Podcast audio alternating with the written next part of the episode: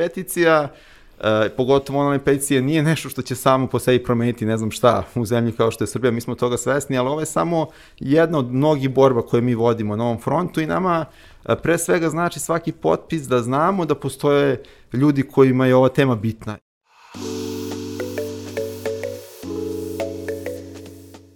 Ćao ljudi, dobrodošli u još jednu epizodu netokracijenog Office Talks podcasta. Ukoliko se još uvek niste pretplatili na naš YouTube kanal, to možete da uradite klikom na dugme dole. Naravno, upalite zvonce kako biste dobijali obaveštenja o novim epizodama.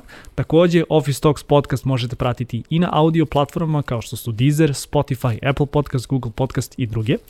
A, moj današnji gost je Danilo Krivokopić, direktor Share fondacije. Danilo, dobrodošao. Uh, hvala na pozivu, inače pratim vaš podcast, tako da mislim da radite super stvari, tako da mi je još veće zadovoljstvo da sam da. danas tu. Hvala ti. A, pričat ćemo danas o a, nekoliko jako bitnih, jako aktualnih tema, ali evo za početak možda za slušalce ili gledalce koji se negde nisu upoznali sa vašim radom, a, šta je Share fondacija, kada je nastala?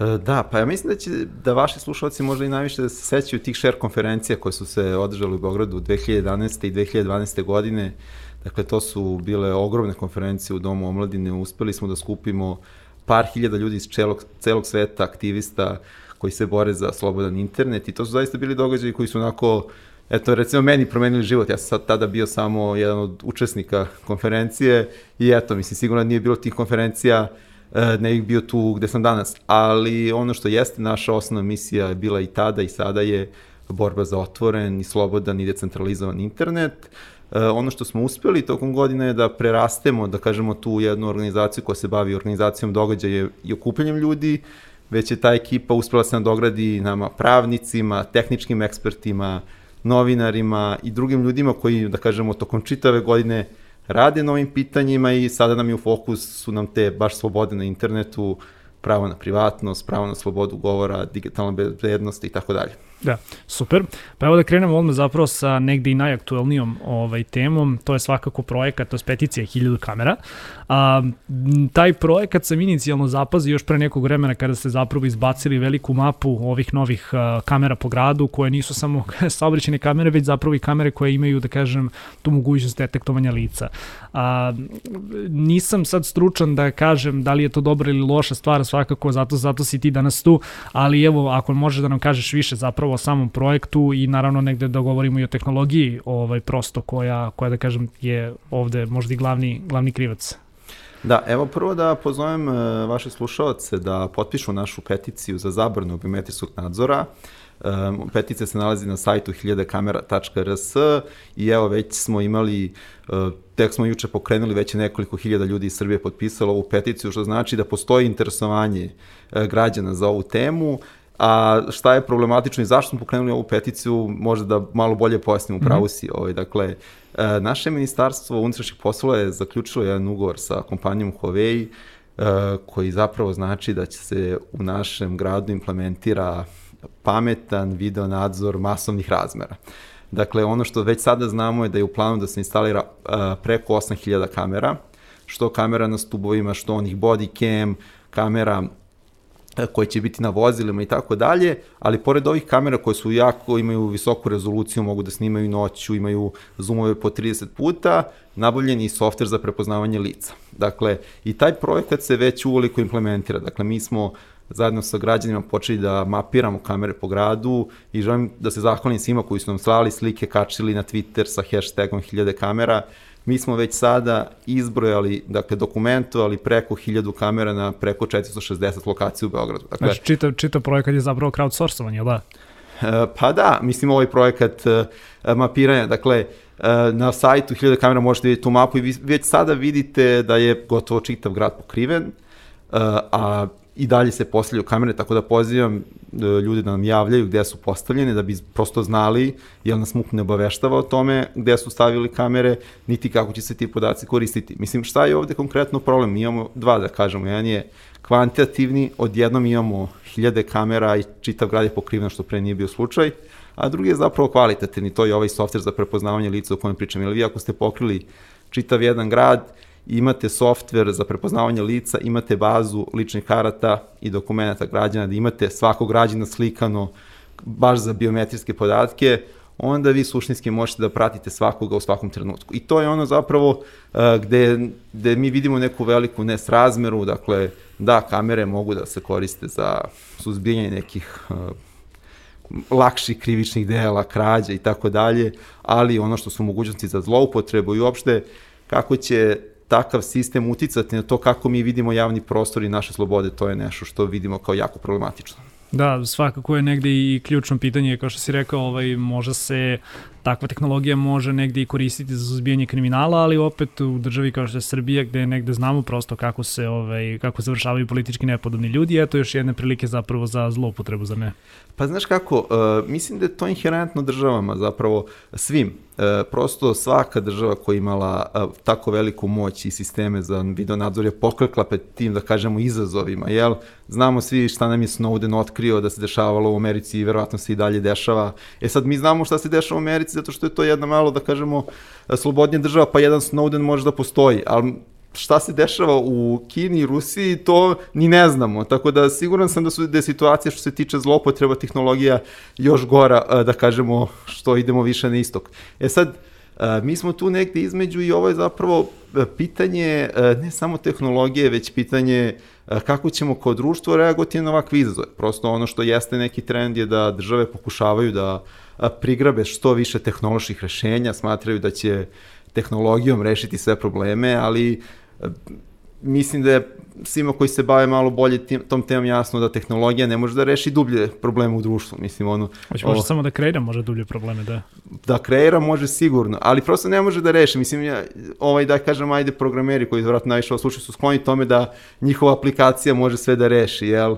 Ono, ali mislim da, kažem, e, vrlo često država po tim izgovorima da će rešiti probleme, da će, ne znam, tehnologija da spreči pandemiju, pa smo imali te aplikacije za praćenje kontakata, ili će, ne znam, tehnologija da, za nadzor da spreči terorizam, ili će, ne znam, da tehnologija pomogne slobodu govora u, u zemljama gde inače ne postoji demokratija. Mislim, to se ništa nije pokazalo kao tačno. Da. Tako da moraju da postoje neke strukturne promene u društvu da bi ona tehnologija mogla da nam pomogne da rešavamo probleme. Da, tako je. Što više od bih na to da tehnologija u gomili ovih slučajeva, sve te stvari koje si zapravo navio kao pozitivne primjere, da se zapravo desilo upravo, upravo suprotno. Pa da, upravo.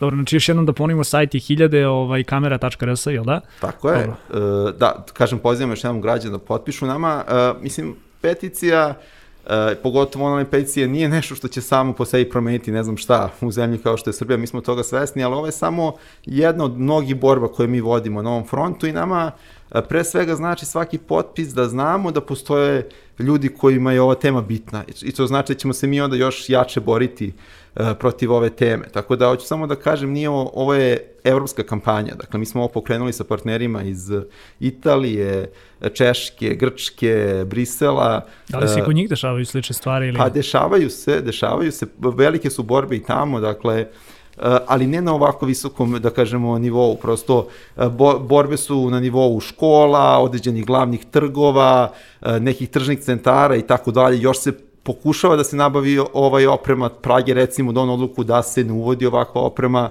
znamo da su brojni gradovi u Americi zabranili upotrebu ovakve tehnologije u javnim prostorima, pre svega San Francisco gde se zapravo ova tehnologija stvara, dakle to su ljudi koji znaju koje su opasnosti ovakve tehnologije, oni su rekli, e, nećemo ovo u našim javnim prostorima, tako da da, ovo jeste sada, kažem, neki trenutak gde e, treba kao društvo da donesemo odluku da li želimo da pokrijemo ceo grad kamerama, da svi budemo nadzirani u svako vreme, da živimo u jednom panoptikonu, mm.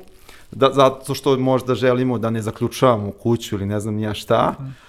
Ali mislim da su rizici preveliki da slobode koje možemo da izgubimo i prosto način kako bismo se ponašali u javnom prostoru bi se dramatično promenio ako ovaj sistem u potpunosti implementiramo. Da.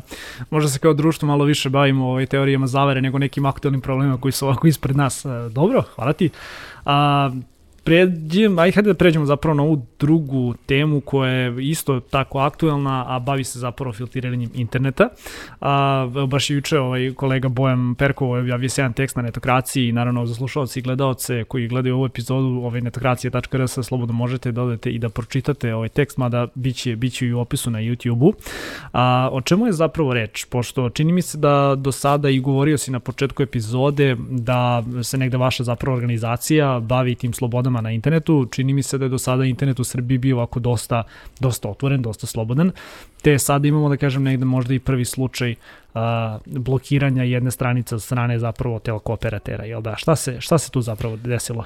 Evo, možda samo da malo širi kontekst, dakle, e, internet je počeo kao jedno potpuno slobodan prostor, uređivan sa najrazličitih strana ovog sveta gde je zapravo sadržaj mogao slobodno da se deli i to je sve bilo super dok opet vratimo se države nisu shvatile da žele da preuzmu deo moći u tom slobodnom prostoru kao što ga preuzimaju i u stvarnom prostoru. I sada već e, organizacije koje uh, prate stanje interneta u svetu kao što je Freedom House koji imaju svake godine taj report Freedom of the Net, već ja mislim 13. godinu za redom se beleži da kažemo snižavanje stepena sloboda i prava na internetu. Dakle, filtriranja su sada već uh, sasvim uh, čest slučaj od Kine, mislim, koji nikad nije, nije imala slobodan Slobodan, internet, da, da. suštinski Rusije, Turske, ali čak i zemalja uh, u Evropi i tako dalje i tako dalje. Mi smo mogu da kažem, imali tu sreću i da kažem, Share nije imao previše posla prethodnih godina, jer je, nije bilo filtriranja, prosto meni se čini da je to posljedica toga što uh, internet nije još uvek doneo taj, da kažemo, društveni značaj da može da utiče na, na primjer, izbore ili ovaj, neke ključne politička pitanja, već je neki taj, kažemo, prostor gde sve se dešava na nekom, ne, ispod glavnog radara. Uh, tako da nismo imali tih problema, ali sada se desio slučaj koji nije novina. Ovaj, e, imali smo slične slučajeve 2012. i 2014. godine, dakle, dakle o čemu se govori, go, pričamo o e, sajtovima za klađenje koji nemaju dozvolu naše uprave za igre na sreću, da se to su uglavnom dakle strani e, svetski da kažemo poznati sajtovi za klađenje e, koji prosto primaju uplate naših građana, isplaćaju im neke dobitke, ali zapravo nikad nisu ni na, ni na koji način stupili u vezu sa našom državom, niti dobili dozvolu, niti platili porez našoj državi. I sad ono što naša uprava i porezka uprava želi da postignu, oni žele da zapravo uh, ne dozvole našim građanima uopšte da pristupe ovim sadržajima, pozivajući se na neke, da kažemo, jako opšte članove, članove zakona. A to su članovi da se ne sme dozvoliti bilo kome da učini dostupnim ovakve usluge. Mislim, hoću samo da kažem, uh, ne možemo krenuti od toga da sve što je nedozvoljeno na internetu treba odmah blokirati. Mislim, mislim da svi zna, možemo da razumemo koliko toga na internetu nije baš u potpunosti u skladu sa našim propisima, ali ako krenemo od toga, e, jako je veliko pitanje gde ćemo završiti. Jer u ovom konkretnom slučaju, eto, možda da pojasnim, jednim dopisom uprave za igre na sreću i spiskom sajtova samo jedan operator, to je VIP u ovom slučaju, je blokirao pristupe ovim stranicama. Drugi se nisu odlučili za tako nešto. Ja pre svega mislim zato što i oni razumeju da e, nije u njihovom interesu da nekim dopisima državnih organa odlučuju da li će sloboda, da kažemo, e, informacija našim građanima biti dozvoljena ili ne.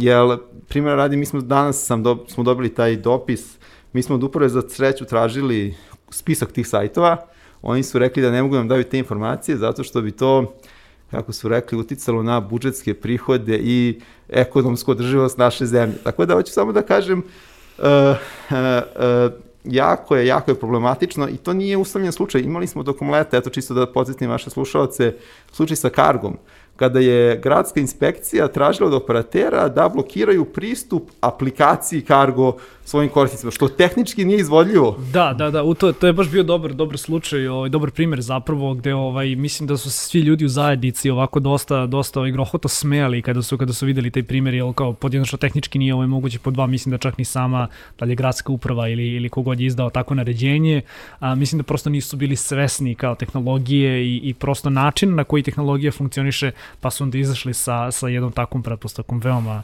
veoma Da, to jeste smešno, da. ali sad vidimo da druge slične inicijative prolaze, ova tehnički je izvodljiva i u ovom nekom trenutku je prošla i kažem, sada pričamo, ja se stvarno ne razumem u igra na sreću, niti uopšte razumem taj biznis, ali ovo je sad interes, da kažemo, jako jedne uske grupe, posle se pitam da li će sutra interes neke druge mm. interesne grupe prevagnuti stvara nad pravom se, stvara se zapravo loš presedan, stvara se loš presedan za nešto što se može dakle iskoristiti dalje ovaj, i, i, i u političkim, da kažem, nekakvim obračunima i u naravno limitiranju pristupa nekih ovaj, ono, javno dostupnih informacija. Dobro, nadamo Tako da ja se pozivam da... naše operatere da ne postupe po ovom uputstvu uprave za igre na sreću, da ne bi onda morali da postupaju po svim drugim dopisima različitih državnih organa. Prosto e, mislim da su u mnogo većem riziku ako postupaju nego ako postupaju po ovakvim obskurim dopisima. Da. Dobro, nadam se da će biti još, još diskusije na, na ovu temu, jer svakako verujem da je, da je negde ovaj, ono, opet diskusija, razgovor o ovim stvarima u, ono, u javnom mnjenju, u širem javnom mnjenju ovaj, u medijima u Srbiji nešto što je jako bitno i nešto što definitivno ne treba samo da ostane na, ono, u rangu šer fondacije i, i netokracije. A, još jedna bitna stvar o kojoj sam hteo da razgovaramo, Vi ste nedavno poslali prekršajne prijave na, na, na adrese zapravo 16 velikih IT kompanija. A, šta se tu zapravo desilo, zašto je na share fondacija, ovaj, da kažem, otišla toliko, ovaj, čak, čak toliki korak dalje, toliko istupila i ovaj, negde opomenula zapravo IT firme, uh, velike globalne IT firme koje u Srbiji nemaju svog predstavnika, zapravo bi morale da imaju prema aktualnom ovaj, zakonu o zaštiti podataka o ličnosti. Pa eto, uputi nas malo više o, o, o, o toj priči. Da, pa da, moramo da krenemo iz početka, dakle moramo da krenemo od GDPR-a, takozvane opšte uredbe o zaštiti podataka o ličnosti koja je doneta u Evropi i stupila na snagu 2018. godine, koja suštinski za cilj ima da povrati građanima moć na svojim podacima. Mislim da je sad već uh, uveliko u diskus ušla ta tema. Imali smo sada i ovaj uh, film na Netflixu koji se Social zove Social Dilemma, Dilemma, da. dakle koji dosta priča o tome kako velike korporacije obrađuju naše podatke, kako ih eksploatišu, kako ih zlopotrebljavaju i tako dalje, i koliko je to problematično i ova uredba je pre svega doneta sa ciljem da se, da kažemo, građanima vrati, vrati moć u ruke, ajde da kažemo tako. Uh, ono što je naša država uradila u tom celom procesu, obzirom da smo kandidat za pristup Evropskoj uniji, uh, mi smo Pa ja ne znam, ja se nekad šalim, uzeli Google Translate, stavili tu uredbu i doneli naš zakon i mi smo dosta kritikovali taj zakon u tom periodu, prosto jer smo shvatili da postoje različiti tehnički problemi i neusklađeno sa našim propisima, ali kad smo ga već usvojili, onda smo shvatili da zapravo imamo kao organizacija koja se bavi digitalnim pravima i pravom na privatnost najjače oružje koje smo ikada imali do sada, prosto zato što taj zakon nam daje kao građanima i organizacijama jako puno mogućnosti za borbu. I sad šta nam taj zakon daje o zaštiti podataka ličnosti? On obavezuje da kažemo sve kompanije gde god one poslu koji na neki način eksploatišu podatke naših građana, da ako ništa poštuju sve propise i imenuju predsednika u Srbiji kako bi naši građani u slučaju problema mogli da im se obrate. I to je ono što je, odakle smo mi krenuli, dakle, zato što uh, velike kompanije, ove svetske, najčešće nemaju nikoga u Srbiji. Facebook ne postoji u Srbiji, nemate da, jednu osobu... Mislim, čak, čak i sa strane biznisa, ovaj, ovaj, kao kolegi marketari i, i drugi publisheri znaće, znaće zapravo o čemu pričam, ali uopšte, uopšte rasulo kada govorimo o tome da, da jedan Facebook, da vi ne možete nikom da se obratite, Instagram takođe, drugi neke velike kompanije, dosta je, dosta je kritična situacija. A na, na tom spisku su se našle, koliko se evo ja sećam, znači Airbnb, Booking, uh, da TripAdvisor ako se ne varam, Facebook, Twitter, Google, gomila nekih drugih kompanija i vidimo zapravo da su neke kompanije samo ovaj, se odazvale i evo baš krajem prošlog meseca zapravo ovaj, kod poverenika i registrovale svoje, svoje ovaj, predstavnike. Koje su to kompanije u pitanju i šta se dešava sa, sa ostatkom firmi koje negde prosto da li, da se prave ble, gluve, blesavi ili prosto negde uračunavaju tu neku kaznu koju bi možda država Srbija propisala u da kažem operativni trošak? E, pa znaš kako, prvo je odgovorila jedna kompanija iz Sky, mislim da je to poljska kompanija, onda smo imali da kažemo veliki uspeh, Google je imao svog predsednika, što je velik, vrlo značajna stvar obzirom na koje sve Google servise zapravo posjeduje, na primjer YouTube je takođe naravno uh, Google i oni su imali predstavnika što nam je zapravo dalo vetor ređa da jurimo i ove druge kompanije, pa su od zatim imenuli i Viber, uh, Booking i Netflix, svoje predstavnike, to su uglavnom advokatske kancelarije. Uh, Ovaj, ono što ja zapravo i što je moja naravno pasija da više dovedemo taj Facebook u Srbiju. Prosto mislim da tu ima ubedljivo najviše problema. E, građani se nama često obraćaju, prosto izgube potpuno kontrolu, obrišu im nalog, ne daju im pristup, ne mogu da pristupe svojim podacima, mislim, to ne sme da se dešava. Postoje te, da kažemo, automatizovane forme na svim mojim sajtovima, gde vi suštinski sve vreme uh, komunicirate sa kompjuterom, mislim, ono, stalno vam se vraća nešto, pa pošaljete ličnu kartu, on traži pas, pošaljete pas, on kaže lična karta i onda tako u krug, u krug, da. U krug, tako da, hoću da kažem, naš cilj je pre svega da pokušamo da građanima omogućimo da ostvare svoje prava. A ova priča o kojoj ti pričaš, biznis je takođe vrlo bitna. Mi se nadamo da ćemo time što smo ih doveli na neki način ovaj, e, neke predstavnike imali da će i biznisi moći bolje slučaj, jer ono što verovatno i sam znaš, mi smo za ove kompanije izuzetno malo tržište njima se zapravo mnogo više isplati da se uopšte nama ne bave, ne, da. nego da zapravo ovde otvaraju operacije. Da, zato i rekao, dalje. kaže, verovatno mi neke potencijalne kazne koje sam gledao, tipa, mislim, iznose 20.000 dinara, što kao da se ne lažemo za jedan Facebook, nije... E, za ovu kaznu za imenovanje da. predstavnika, ovaj, kazna je 100.000 dinara, ovaj, što je... To će ih, to će ih zaboleti. Znaš kako, da. ja potpuno drugačije gledam na to, mislim, to je smešna kazna, to nije, nije sporno, ali ako imamo uh, zvaničnu odluku naše države da Facebook ne poštuje naš zakon i možemo to da ovaj pošaljemo Facebooku i da da kažemo uh, lobiramo s time i zagovaramo, to je potpuno drugačije, jer koliko god Facebook bio uh, za ovako onako, oni se ipak trude da imaju dobar imidž u svetu, jel? Tako da mislim da je to neki put, tako da... Da i postoji na našem tržištu, tako da na kraju dana naš ono govorimo zaista o nekom minimumu nekih stvari koje bi trebale da Absolutno. budu urađene. To je, da. Ali to je baš bukvalno minimum, a posle toga idu sve, sve druge sve stvari. Sve druge stvari, da. Dobro. Imali smo tu jedan jako zanimljiv ovaj primjer gde je zade, ovaj, svakako obavljeno i kod vas na blogu, a, gde smo zapravo imali prvo brisanje ovaj, YouTube naloga. Šta nam, šta nam možeš reći o tome? Da, e, pa to je upravo jedan paragmina, paragmatičan primjer ovaj, kakve građani imaju probleme. Dakle, jedna naša sugrađanka je ono imala svoj YouTube nalog, kačila neke svoje gostovanja i tako dalje i onda je sasvim iz kojih god razloga ima pravo to rešilo da nestane sa interneta. I prvo što je uradila, obrisala je svoje uh, mail naloge. I onda kada je htela da obriše YouTube nalog, naravno, pošto je obrisala sve mail naloge, nije mogla da mu pristupi, nije mogla da ga obriše. I onda je naravno krenula da komunicira sa YouTube-om, to jest sa kompjuterom, e, ovi su i tražili ličnu kartu i tako dalje. To je trajalo 10 meseci. Share se uključio, mi smo pisali preko advokata i tako dalje i tako dalje i kažem 10 meseci je trajala ta, mislim to su resursi neverovatni. Jedan građan nema resurse da se 10 meseci preko advokata dopisuje sa YouTube-om, jel? To je nama bio zanimljiv slučaj. Ali je Google srećom imenovao predstavnika i čim smo poslali to advokatskoj kancelariji, posle par dana uh, gle čuda, YouTube nalog je bio obrisan. Tako da eto, neka priča sa srećnim krajem, ali to nije metod koji mogu da savjetujem građanima, prosto ne vredi toliko ga ovaj... Da, ali eto, dobro, dobro opet pokazatelj šta je, šta je moguće uraditi. Dobro. A, još jedna jako interesantna tema, a, aktuelna tema nažalost, COVID-19 i tu smo videli ovaj, da se zapravo objavili jedno, jedno fantastično, ovaj, da ne kažem, studiju ili istraživanje na vašem sajtu, a, kada je zapravo čitav sistem bričovan, kada je zapravo ovaj, otkrivena, da kažem, otkrivena neka rupa u sistemu i kada su zapravo, da kažem, ovaj, prosto postali vidljivi neki podaci koji možda nisu trebali baš da budu dostupni ovaj, javnosti. A, sad imamo i tu ovaj, jako zanimljivu situaciju da, da se dosta neke kontroverzi zapravo vezuje za, za ovaj informatički sistem.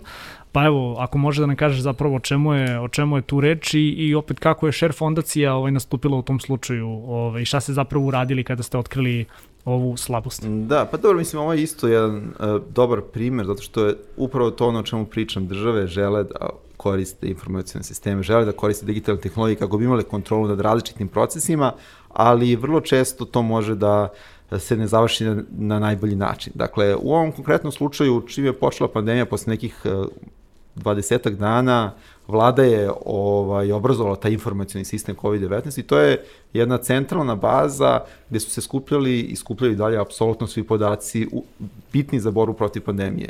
Ko je oboleo, kada je oboleo, u kojim gradovima, ko je u karantinu, ko je u samoizolaciji i tako dalje i tako dalje. I, ovaj, I mi smo naravno istraživali taj ovaj, informacijni sistem sa stanovišta da li su ovaj, pravo na zaštitu podataka ličnosti i druge procedure ispoštovane. Istraživajući, došli smo na ovaj sajtu jedne zdravstvene ustanove do korisničkog imena i loznike za pristup ovom sistemu. Dakle, ta stranica je bila indeksirana na Google. Dakle, svako ko je uh, ima osnovne, da kažemo, znanja Google pretraživanja i une određene reči, mogo je da doći do nje. Znači, nismo mi hakovali sistem ili upali na neki način. Ovaj, to Samo znači, ste otkrili prosto slabosti, jesu. Otkrili smo slabost, prosto, prosto bili su dostupni uh, kredencijali za pristup ovom sistemu koji je izuzetno značajan i ne samo da neko mogu da vidi podatke zaraženih, neko je mogu da unese pogrešne podatke. Na osnovu tih podataka se donose odluke od značaja za život naših ljudi. Ono što smo mi uradili, nismo digli frku odma, kontaktirali smo nadležne organe, poverenika, e, nacionalni CERT, Ministarstvo telekomunikacija, problem je da kažemo rešen za dva sata, skinuti su ti kredencijali, ali ono što smo mogli da vidimo da, je, da su oni bili dostupni nekih 8 dana. I to nije, nije usamljen slučaj. Mi smo imali sličan slučaj sa sajtom Agencije za privatizaciju kada je preko 5 miliona JMBG-ova naših građana sa imenom i prezimom objavljena. Dakle, isto tako nekom greškom, 10 meseci slučaj, da. su kružili po internetu i kako su tada rekli iz Agencije za privatizaciju, preuzeti su više puta. Znači, tako da, hoću da kažem, uh, mislim da jeste bila jaka agenda ove vlade i mislim da će biti i ove sledeće ta digitalizacija i mislim da ona može svakako mnogo da pomogne životima naših građana, ali kažem, mora o mnogo stvari da se vodi računa kako zapravo ne bismo imali mnogo veći problem da nego što imamo koristi od toga. Iz mog ugla rekao bih čak da je negde ovaj, opet odgovornosti na samim građanima. Jedna šer fondacija svakako koliko god se bavila ovom temom i bila stručna, nema opet negde kapacitete da se bavi svakim ono izolovanim slučajem, a imamo često, ovaj, če, često da kažem te primere ljudi gde je ta informatička edukovanost ili da kažem digitalna pismenost zapravo na veoma ovaj, niskom nivou i onda i neke stvari koje bi možda kao građani, kao svesni korisnici interneta i različitih nekih servisa trebali možda da znamo da ne dovodimo sebe u nekakve neprijatne situacije. Pa znaš kako, pitanje te neke digitalne higijene je jako bitno, mislim, ono, kad izađemo iz kuće, zaključamo vrata ili šta već sve uradimo i razumemo šta je ta neka, da kažemo, bezbednost u ovom stvarnom prostoru. Isto tako, da. isto tako treba da razumemo da digitalni prostor suštinski nije to neka virtualna stvarnost, to je ista stvarnost kao i ova i isto može uticati i utiče na naše živote. E, tako da građani definitivno treba da pored na digitalnoj higijeni da shvataju da sve opasnosti koje iščekaju na, u stvarnom svetu ih čekaju i digitalno. Ali ja moram da kažem kao neko ko se bori za prava građana odgovornost je uvek na onima koji imaju moć, a to su u ovom slučaju kompanije velike i države, znači oni imaju moć da naše podatke i čuvaju i zloupotrebe, tako da na njima je odgovornost, a građani naravno treba da vode računa o sebi. Da, dobro, odgovornost je svakako na tim velikim ovaj, firmama pa, pa i, i na državi uh, i da edukuje prosto ovaj, građane što se, što se uglavnom ne dešava, da. Dobro. A, dođe smo evo i do, i do još, još da kažem, pretposlednje zapravo veoma, veoma zanimljive teme. A, ove godine smo eto imali i izbore A, ne smatram da su se nešto sad preterno razlikovali možda od prethodnih izbora ovaj, koji su bili pre četiri godine.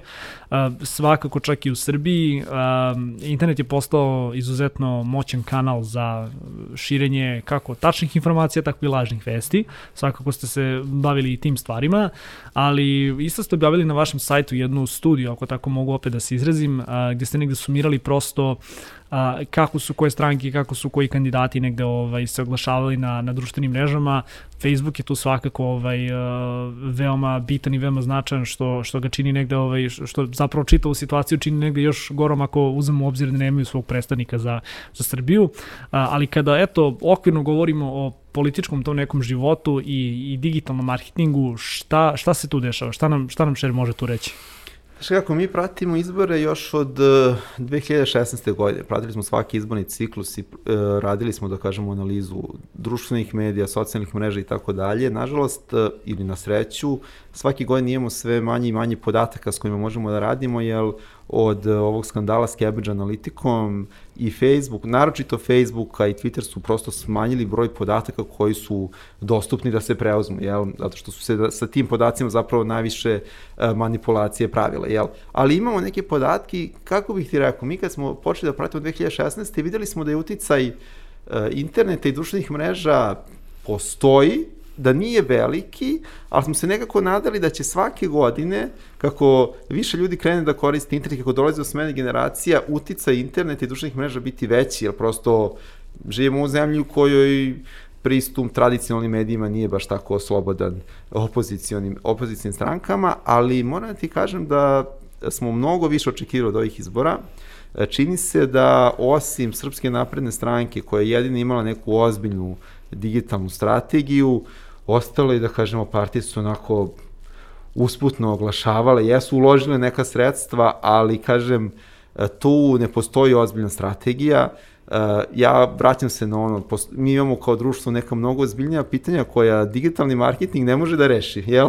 Ako imamo jedan društveni problem oko toga kako posmatramo društvo, koje su nam vrednosti za koja glasamo, nema tog marketinškog maga koji će sada tako dobro da targete ili napravi poruku da će sad građani da glasaju za nekog drugog. Dakle, je, da. moramo, da. moramo malo neke druge procese da, da. primenimo. I da se eto vrati na Facebook, eto opet dežurni krivac, dakle mi opet nemamo uh, pristup podacima koje imaju druge države u svetu. Dakle, Hrvatska isto imala izbore, vi ste mogli za svaki oglas da vidite koliko je tačno para plaćeno, ko je targetiran, u kojim gradovima, kojim danima i tako dalje, da imate istorijat taj ad library za ovaj, oglase u Srbiji dalje ne postoji. Možete samo da vidite koja stranka je platila koji oglas i nemate nikakve druge informacije. Tako da kažem, te kompanije jako utiču na naše živote i eto, zato mi stalno se trudimo da ih što više da dovedemo ovde da bi uspeli da iskoristimo te resurse koje oni, oni pružaju. Da. Zanimljivo je ovo što si rekao, svakako je library, library jeste jedan jako koristan alat eh, gde čak i mi kao novinari eh, ovaj, eh, možemo da vidimo zapravo koje su to stranice koje negde oglašavaju svoje, svoje postove i razlog zašto to pominjem jeste što pre određenog perioda, mislim, možda nekih godinu dana kako je ta, ta možda malo jače, kako je taj zapravo alat postao dostupan, videli smo i konstantno evo, možemo da vidimo nekakve jako, jako obskurne kulturne stranice ovaj, koji uglavnom, da kažem, idu možda na, na ono, imaju, da kažem, tu nekakvu nacionalističku notu u sebi. A, ja bih ih njih klasifikovao u nekakve lažne vesti, u, u nekakve, da kažem, alate, a, digitalne alate za diskreditovanje ili borbu ovaj, protiv opozicije, a, te smo videli da se čak i pokreću, ne znam, Breitbart Srbija i takve nekako ono, ultra kao ovaj, nacionalističke, ultra desne zapravo ovaj, stranice, koje su zapravo jedino imale ovaj, za cilj da opet diskredituju nekakve izjave ili da, ili da plasiraju nekakve lažne vesti. Vidimo isto tako da i takve stranice, a, ne znamo nužno ko stoji za njih, možda možemo samo da pretpostavimo, ali vidimo a, veliku prisutnost plaćenih oglasa, što znači da neko sa namerom dolazi i plasira putem takvih stranica ovaj, de facto lažne vesti kako bi ovaj, obmanuo, obmanuo građane.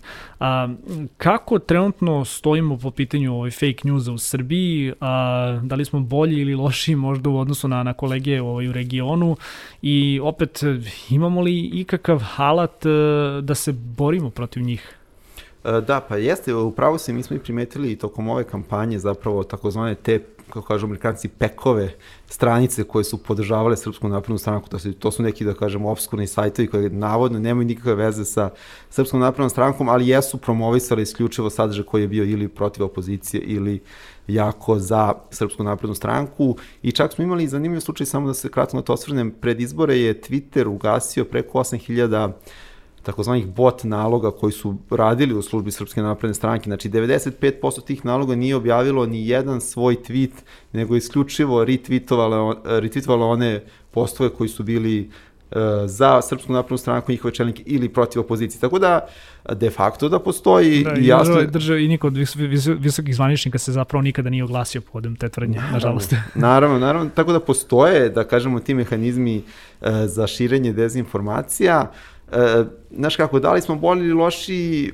ne znam, e, ali ono što mi u šeru e, vidimo kao alat jedini za boru protiv toga je zapravo e, medijska i digitalna pismenost. Dakle, ne postoje, e, ne postoje tulovi ili aplikacije koje će da reše lažne vesti trude se mnogo toga, verujem mi, mi smo mogli na toliko projekata da apliciramo gde su se tražile aplikacije za boru protiv lažnih vesti, pa će, znam, da ti on obradi, pa će da ti izađe lažna vest i tako dalje i tako dalje. Da.